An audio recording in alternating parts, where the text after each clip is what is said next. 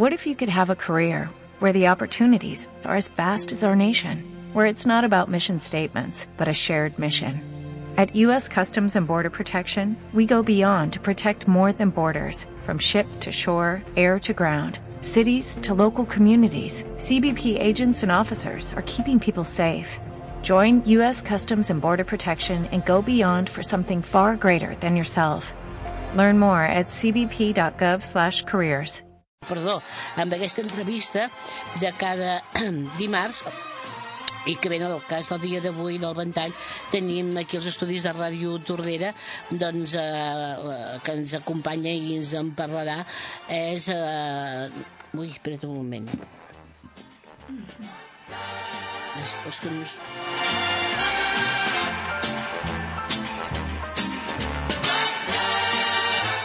Doncs bé, tenim a l'Ariana Llanmes, que és monitora ocupacional. Ella treballa al Molí de Puigverd i està dins del projecte Carretera. Bon dia.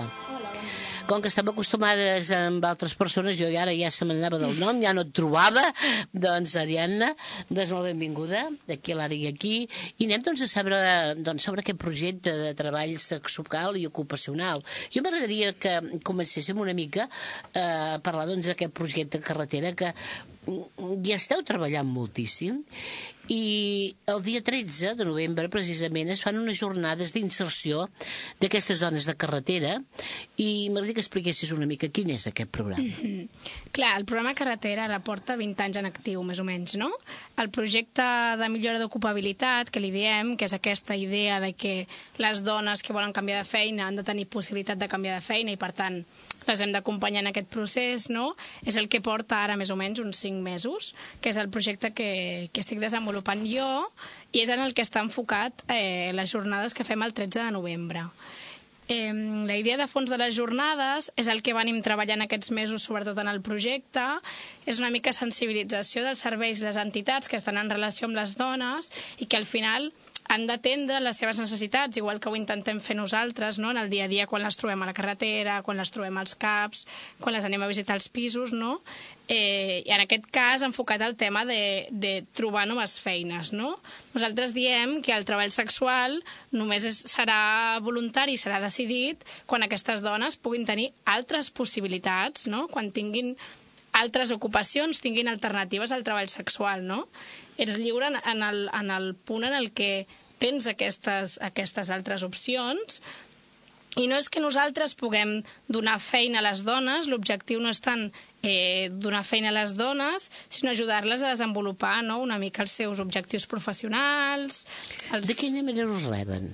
Com de vosaltres us presenteu i, esclar, mm. vosaltres eh, els hi ofriu, com ens estàs comentant, a veure, pots fer una altra cosa a banda doncs, de, de fer doncs, més servei com a prostituta, no? Mm. Com, com us reben? Com, com, quina és la sensació? Nosaltres mm, tractem de no, de no jutjar-les, no? Uh -huh. Tractem de no, de no dir si el treball sexual està bé o està no, eh, o no està bé, és a dir, elles són les que decideixen si volen seguir exercint o no, simplement que hi ha una demanda eh, reiterada als últims anys, no?, que era de trobar una altra feina que no estava siguent resposta, no? elles ens reben bé, però perquè elles, moltes d'elles tenen molts anys de relació amb les meves companyes, que són les que ja porten 10 i 12 anys treballant al programa, Llavors la relació és molt cordial, no? També la relació es fa a través del boca a boca, és a dir, la gent que ens ve a veure normalment ja coneix algú que ens coneix i no té aquesta por o... Sí. És, és, és una relació molt natural, no és una relació molt burocràtica, perquè també com que les anem a veure a la carretera, uh -huh. no és el mateix que seure en un despatx, no? que Clar. és més la feina que estic fent jo d'orientació, que és una mica més asseure'ns i, i parlar d'altres coses, no? Uh -huh. eh, però amb elles és, és molt fàcil. És molt fàcil perquè perquè amb nosaltres, o sigui, perquè estan obertes i sobretot perquè el, el programa té, té molta trajectòria, no? Mm, eh, què els oferiu? Perquè quin tipus de treballs eh, eh, són els que vosaltres considereu que elles s'hi podrien adaptar més, més bé? Mm. Clar, com nosaltres realment, o sigui, ja he dit abans, no? nosaltres no oferim una feina, sinó que oferim un espai d'orientació laboral eh, i depèn molt dels interessos que elles tenen. Si és veritat que al ser dones, molt, la, la major part d'elles migrades, tenen problemes amb convalidacions d'estudis, tot i que hi ha dones, per exemple, universitàries, no poden exercir eh, potser en el tipus de, de feina que estaven desenvolupant anteriorment al seu país d'origen o, que, o que voldrien desenvolupar no? per, per la que han estudiat, perquè uh -huh doncs se'ls fa una mica, bueno, se'ls fa impossible, no? tant per l'idioma com per al tema de les convalidacions, eh, i acaben tenint feines que, igual que el treball sexual, són feines molt feminitzades, no? que són feines que acostumen a fer dones, uh -huh. com neteja, cures, no? també molt de feina a l'hostaleria perquè és una zona que... Uh -huh. que bueno, Companyia que també ho fan? Eh, clar, o sigui, sí, com acompanyar gent gran, uh -huh. a nens petits... Llavors, clar, eh, no és tant el que nosaltres voldríem oferir o tant la feina que nosaltres considerem ideal per elles, sinó el que elles desitgen fer, no? Mm -hmm. Perquè entenem que si surten del treball sexual per fer una feina que els agradi més o que els hi benefici més o que els hi permeti regularitzar-se, precisament és per poder triar aquesta nova feina. Després no? tu, amb aquesta, vosaltres, en aquest cas eh, tu, Ariadna, mm, una, una, una dona doncs, eh, decideix, mira, és que jo m'agradaria, per exemple, posem eh, anar a netejar. Eh? Uh mhm. -huh. Aquesta persona, vosaltres l'ajudeu a anar a un punt on te sapigueu que en aquell lloc doncs, eh, necessiten dones per neteja, eh, els, eh, és dir, els hi feu un tipus de carta doncs, per a la persona que els té que rebre. Quin és, per exemple, el vostre, el vostre suport, més que tot, a banda mm -hmm. d'orientar-los? Mm. És a dir, nosaltres ara tot just estem començant, llavors estem atenent... És a dir, sí que la difusió del, del projecte s'ha fet entre moltes dones, però hi ha poques dones que han començat. També perquè els hi els hi costa una mica eh, fer aquest pas de, de començar a treballar sobre la taula. Llavors sí que, que treballarem com la part més de currículum, més de cartes de presentació, no? i orientar-les sobre quins llocs fer difusió de, de la seva candidatura, que això és bastant important, però també treballem altres coses, com per exemple eh, que amplin les seves xarxes de relació. Passa que moltes d'elles sí que tenen espais de suport mutu dins de la pròpia la seva pròpia comunitat d'origen que estan al treball sexual aquí, no? potser, per exemple, dones romaneses amb dones romaneses que s'ajuden entre elles, però eh, estan bastant aïllades de la resta de gent. No? Llavors nosaltres els, els hi parlem de que és molt important també que, que tinguin altres espais per sociabilitzar. També treballem competències bàsiques. No? Moltes d'elles tenen problemes amb l'idioma, llavors també se les ha d'acompanyar no? a fer classes d'idiomes, que també són nous espais de relació. És a dir, no és una inserció laboral com s'entén, no? com a l'ús, perquè elles tenen certs obstacles o dificultats que potser una persona que ha nascut o crescut aquí que no s'hi troba, no? A banda de que, bueno, a banda, o no sé si dir a banda, que la inserció, o sigui, la part de, bueno, inserció laboral, la formació, eh, és inaccessible per les persones que no tenen papers, no? És a dir, una persona sense ni de residència i treball, a part de que no pot treballar legalment, uh mhm. -huh. és a dir, que això és un procés de 3 anys de padró més un precontracte d'un any a 40 hores, que és un requisit bastant, bastant alt, no tenen accés a cap formació laboral. Clar, això després també és una trava molt important, no? Clar, s'exigeix tenir un contracte de treball, però sense tenir, no poder accedir ni a les borses de treball, ni a, ni a les formacions de treball, ni a estudis com FPs tampoc hi poden accedir, és a dir, no poden fer la part de pràctiques. En aquest cas se'ls ofereix, per exemple, en poder eh, accedir a un lloc on te rebin doncs, classes de, de, de formació, classes de català, per exemple, o de castellà, és igual això des del servei eh, del projecte carretera se'ls ofereix o no? Clar, nosaltres el que fem són derivacions a les escoles d'adults o als consorcis de normalització lingüística o a Càritas, que qui, és qui normalment està fent les classes. Hi ha un altre obstacle que moltes dones al treballar a pisos o treballar... És a dir, el viure i treballar al mateix lloc, no?, o al club, uh mhm. -huh. com podria ser aquí el cas del Molino, no tenen possibilitat d'empadronar-se i, per exemple, aquí a Tordera en concret no poden accedir a fer classes de català i castellà, no? Clar. A no ser que sigui a Càritas, no? Llavors és com eh, bastant, bastant complicat, no?, l'accés sense un padró. Eh, hi ha molts obstacles d'aquest tipus, no? Nosaltres intentem salvar-los com podem. També és veritat que hi ha entitats que estan treballant amb, amb dones migrades i que també estan acompanyant-les a elles en aquests processos, no? Que també fem derivació amb elles. Però, bueno, és... Què, sí. cal, què cal realment perquè una persona li puguin donar doncs, que, que està empadronat aquí? Perquè, a veure, que si aquestes dones, encara que facin servei de prostitutes, vull dir, mm, no sé, què, què fa falta? Que aquesta persona, doncs, eh, a veure, que, que, que, que declari, per exemple, que està visquent aquí a Tordera? Mm. Clar, el problema és que els... Eh, en teoria, el propietari del lloc on vius, uh -huh. o la propietària, és la que ha de donar permís per al padró. Va. No? Eh, llavors, si, si no és així, és una mica complicat. Això és, per exemple, de- d'un pis, diguem, que si estan fent prostitució en un pis, Sí. diguem així. Sí. Aquí, en el cas de Tordera, no ho sé exactament, però sí que passa que, eh, per exemple, dones ablanes que, que conec personalment, que estan pagant 600 euros per una habitació al mes. No? Estan pagant com un lloguer d'un pis sencer, uh -huh. però per una habitació perquè són pisos que es lloguen concretament per, per al treball sexual. Elles treballen com a autònomes, però com que no tenen documentació, per exemple, o no tenen una nòmina amb la que puguin justificar l'agafar un lloguer normal, Va. hi ha gent que està llogant pisos en aquestes fórmules que elles les, els hi permet fer el treball autònomament, però que és un abús, Clar, no? clar, o sigui, clar, és clar, un abús clar, en el sentit econòmic. I si en aquest cas les deixen empadronar, doncs també tenen sort. Però sí, és veritat que el tema del padró és un problema estructural que que, és a dir, que podria passar a Tordera, però que passa a moltes altres poblacions i que, per exemple, a taula de treball sexual que tenim a Girona, molts altres col·lectius que estan treballant, no?, eh, a la província tenen la mateixa situació, no? que les dones al no estar empadronades no són considerades ciutadanes i, per tant, no tenen accés a molts dels serveis que mol- moltes altres persones tenen, no? com uh -huh. un mínim. Um, veiem que el dia 13 sí que doncs, eh, segurament que haureu de completar. Uh En aquest programa d'aquest dia 13, què, què teniu? Taules rodones, teniu doncs, xerrades? Explica'ns una mica, sisplau. Eh, doncs a prim, la, la jornada comença a les 8.45 del matí, està adreçada sobretot a, a serveis a nivell territorial de la selva marítima i, i l'Alt Maresme eh, i també a entitats, uh -huh. perquè ens interessa molt, creiem que el teixit associatiu dels pobles és molt important que estigui present en aquestes coses perquè té molta incidència també no? en com es construeix l'imaginari social sobre qui són les treballadores sexuals, no? per exemple. Eh, llavors, a les 8.45 començarem amb una benvingu benvinguda i una presentació de, del programa eh, i a les 9 i quart hi ha la ponència, diguéssim, com més important, que es titula Societat i prostitució, relacions veïnals sempre difícils, no? Que ve l'Ida Isabel Olgado, que és escriptora, antropòloga, i que ella també ha estat, fa temps va estar al programa Carretera, no? I coneix molt bé la realitat de, del programa Carretera com de les treballadores sexuals.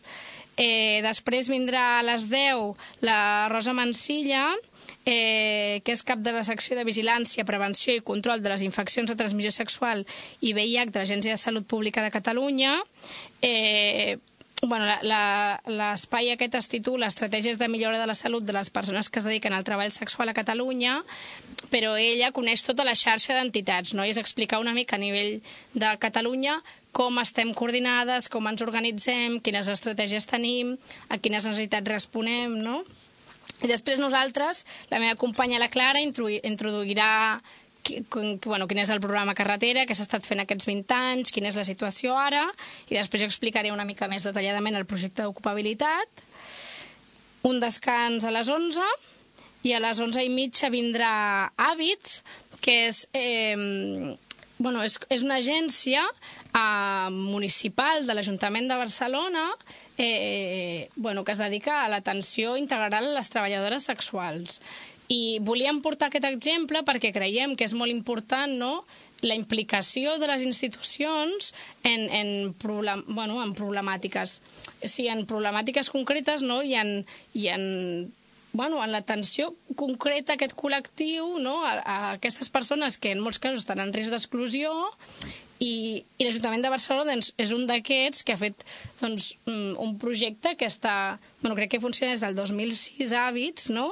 que també fa inserció laboral, que toca diferents àmbits, però que ha estat eh, organitzat des del, des del, món- des de l'àmbit municipal. No? mm, sí que serà molt interessant, doncs, eh, en aquí poden assistir les treballadores eh, sexuals en aquestes xerrades o no? Nosaltres eh, no, no, no, hem, no hem pensat en elles en aquest sentit. Sí que volem que elles puguin fer unes intervencions, però moltes potser tampoc tenen ganes de de donar la cara. No, no tant d'escoltar-ho, eh? També és veritat que a vegades són coses una mica tècniques, que potser elles no els interessen tant, però potser no volen estar allà en cos, no?, perquè se senten una mica exposades. I és del que parlem sempre, no?, de l'estigma social i de com moltes d'elles potser treballen lluny de casa només per no ser identificades per els, no sé, Sí, els, sí, els sí, sí, pares que són mm, pares dels seus, dels seus fills, dels, ai, dels amics dels fills del col·le, Mm-hmm. no?, com bueno, que prefereixen passar desapercebudes per evitar-se situacions incòmodes que viuen en el quotidià, no? I l'objectiu d'aquestes jornades també és això, és a dir, no només que la gent adquireixi consciència, sinó que les professionals que treballen directament amb elles i que es poden trobar amb elles en qualsevol situació i en concret no, els serveis d'ocupació o els recursos més adreçats a, a les qüestions laborals sàpiguen donar resposta, no generin el mateix prejudici, no, no generin espais que poden ser microdiscriminacions, però que per elles és molt important no sentir-se jutjades, no?, quan van a aquests espais. Llavors, per això també hem fet a les 12 les taules de treball, no?, diferents taules de treball en diferents àmbits, perquè mm, volem que, que, ser, que això serveixi no només per tenir una visió més àmplia del treball sexual, o no només per fer una reflexió oberta, sinó perquè es pensin en accions concretes que puguin donar resposta a necessitats concretes, no? Mm -hmm.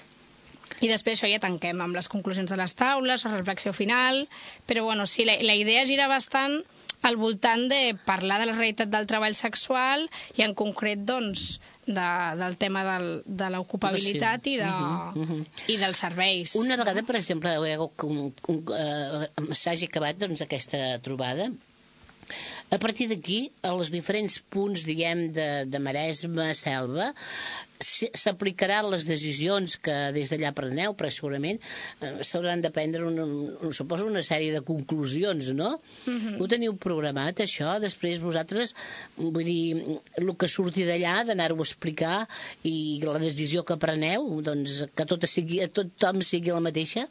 Clar, és a dir, nosaltres no tenim eh, cap poder sobre, sobre això. Mm. Són, és a dir, aquí estan convidats els serveis, estan convidades regidories, estan convidats tècnics, estan convidades entitats. Eh, participarà qui voldrà i qui tindrà interès en participar i, evidentment, donarà resposta a les necessitats de les noies o aplicarà els protocols que consideri adequats eh, als col·lectius o, les, o, les, o, o els serveis que vulguin. Ja ens, agrada, ja ens agradaria que detectéssim una necessitat, li donéssim una resposta concreta i aquesta resposta es fes, no? es fes protocol i passés per tots els serveis i s'apliqués. Però això és una mica més complicat. Nosaltres no tenim... Us sentiu agraïdes, vosaltres? Uh, perquè, és clar, jo... Mm, amb, ell, amb elles, vols dir? Sí, sí, elles estan agraïdes amb vosaltres, perquè, és clar, a veure, aquí es pogut passar que aquestes persones doncs, són treballadores del sexe i ningú s'és preocupat per elles. Uh -huh. I com comentaves amb la Clara i altres uh -huh. companyes, fa més de 20 anys que estan treballant perquè doncs, no hi hagi transmissions sexuals de diferents malalties. Mm, elles se senten, els agrada, us accepten bé? Sí, jo crec que, ja ho he dit abans, no? però que la relació és molt propera, sobretot amb elles, que porten molt de temps treballant, o sigui, es veu que, que hi ha un vincle no? que diria que a vegades va més enllà de la feina, no? perquè, perquè en el fons estem acompanyant en coses molt importants, elles estan a vegades molt soles, sobretot molt perdudes sobre com funcionen les coses aquí, no? llavors qualsevol mà que les ajudi, també els acompanyaments en embarassos, no? en coses bastant importants de la es seva vida. Es queden embarassades no? també i Clar. a, a, on te, a on te és el seu punt de recurs per les seves revisions que se sol, un dia havíem parlat uh -huh. doncs se solen fer. Es farà blanes algunes, algunes d'aquestes? Clar, és a dir, nosaltres el que, el que els fem a elles és els fem les, les targetes sanitàries, targetes sanitàries sense padró, sí que són per persones en, en perfils de risc d'exclusió que no poden a, a accedir a la salut pública. Ens encantaria tenir punts de ginecologia eh, que anteriorment s'havia tingut a l'Hospital de Calella, però ara mateix eh, està sent bastant difícil i estem intentant negociar-ho a veure si ens faciliten fons de ginecologia, perquè en el fons eh, elles treballen amb el seu cos i és molt important que es puguin cuidar i bueno, ja sabem que les llistes d'espera de ginecologia són de 3 o 4 mesos, llavors per algú que té, que té un, un problema amb això, doncs bueno, acaben anant a urgències i l'atenció no és la que hauria de ser en aquest sentit. Eh, I després també fem analítiques eh, i les analítiques van, a, van a l'Hospital de Blanes, de Calella, però bueno, aquests són com els punts d'atenció. Nosaltres sí que les trobem a elles als CAPs, al CAP de Blanes i al CAP de Lloret, més o menys quinzenalment, per atendre-les, però no és perquè sigui un punt sanitari concretament. No. Nosaltres donem preservatius, també donem consells no, sobre pràctiques sexuals de risc o no. O sigui, intentem orientar-les, tot i que elles també tenen una subcultura i elles són conscients, eh, també hi ha una falsa creença sobre que les persones que exerceixen el treball sexual no es protegeixen, de fet es protegeixen eh, igual o més que la, que la mitjana, eh, llavors, de totes formes, elles ho tenen molt en compte i es cuiden molt i nosaltres també fem perquè es cuidin i si sabem que hi ha algú que no està, bueno, no està fent això bé, no? doncs també li cridem l'atenció no? per, per cuidar-les a elles i per, i per cuidar a tothom en general. No? Amb el tema d'aquesta proliferació de pisos, no, no, no pot representar a la llarga un problema per les persones doncs, que els esteu, doncs, en aquest cas, ajudant, eh, buscant-los un, un treball. Vull dir, esclar, si són autònomes, diguem-ho així, seria bo doncs, que es poguessin donar d'alta no? doncs, mm. pròpiament com, eh, i pagar doncs, el que toca a la seguretat social perquè com, deu poder fer doncs, aquest treball de, de sexual fins a una certa edat no sé, jo fins a quina edat doncs, mm. normalment estan... Bueno, atenem a dones que, que fins que als 55 anys Eh, sí, hi ha dones que, que porten molts anys exercint, no? 30, 30 i pico d'anys. L'altra dona està parlant una dona que em va dir que portava 34 anys exercint, no?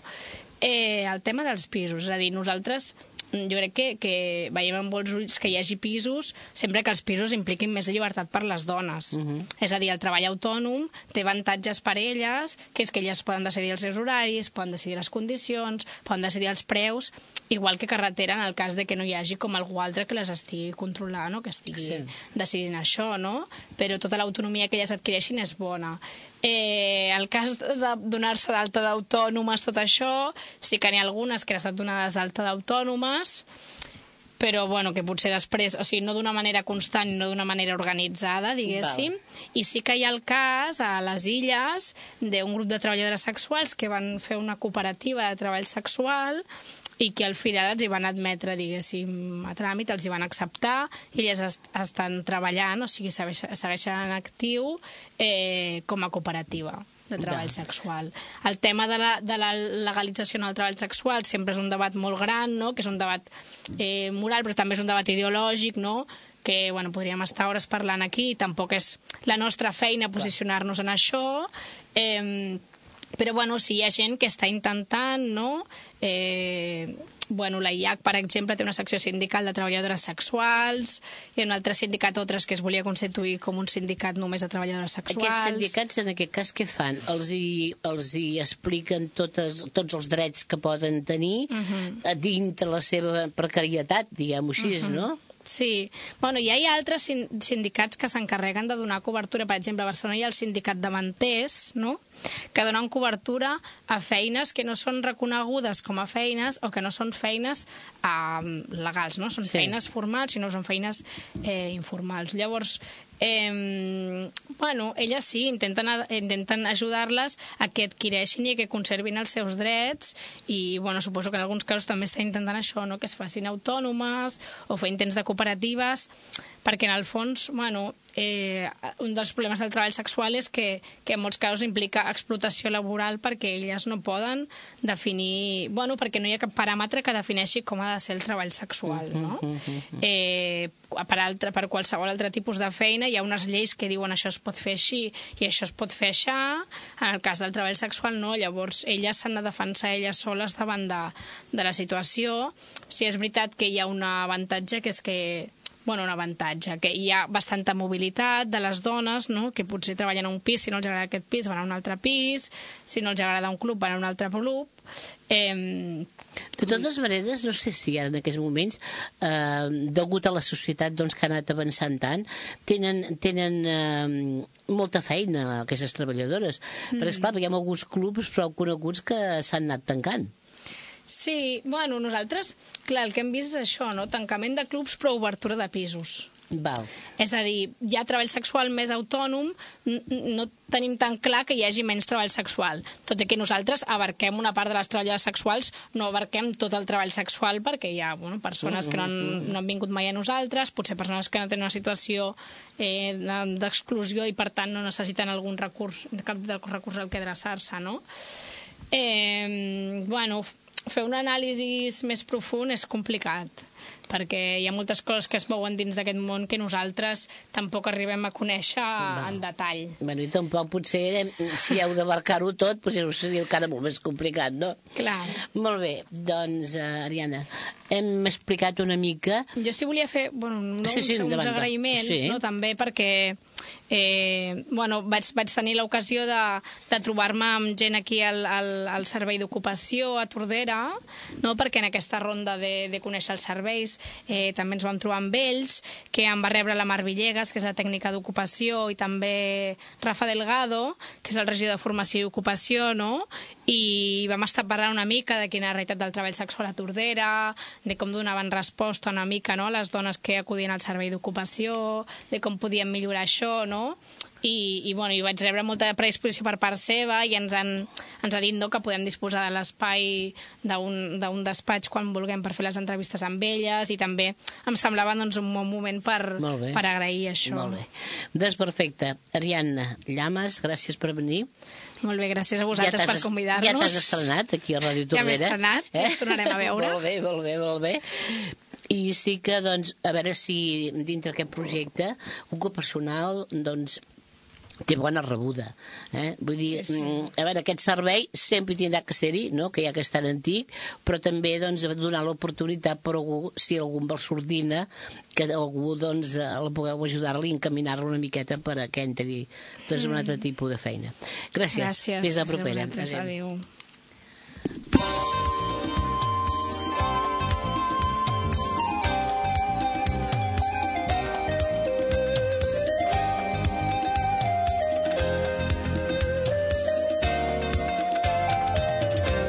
I aquí.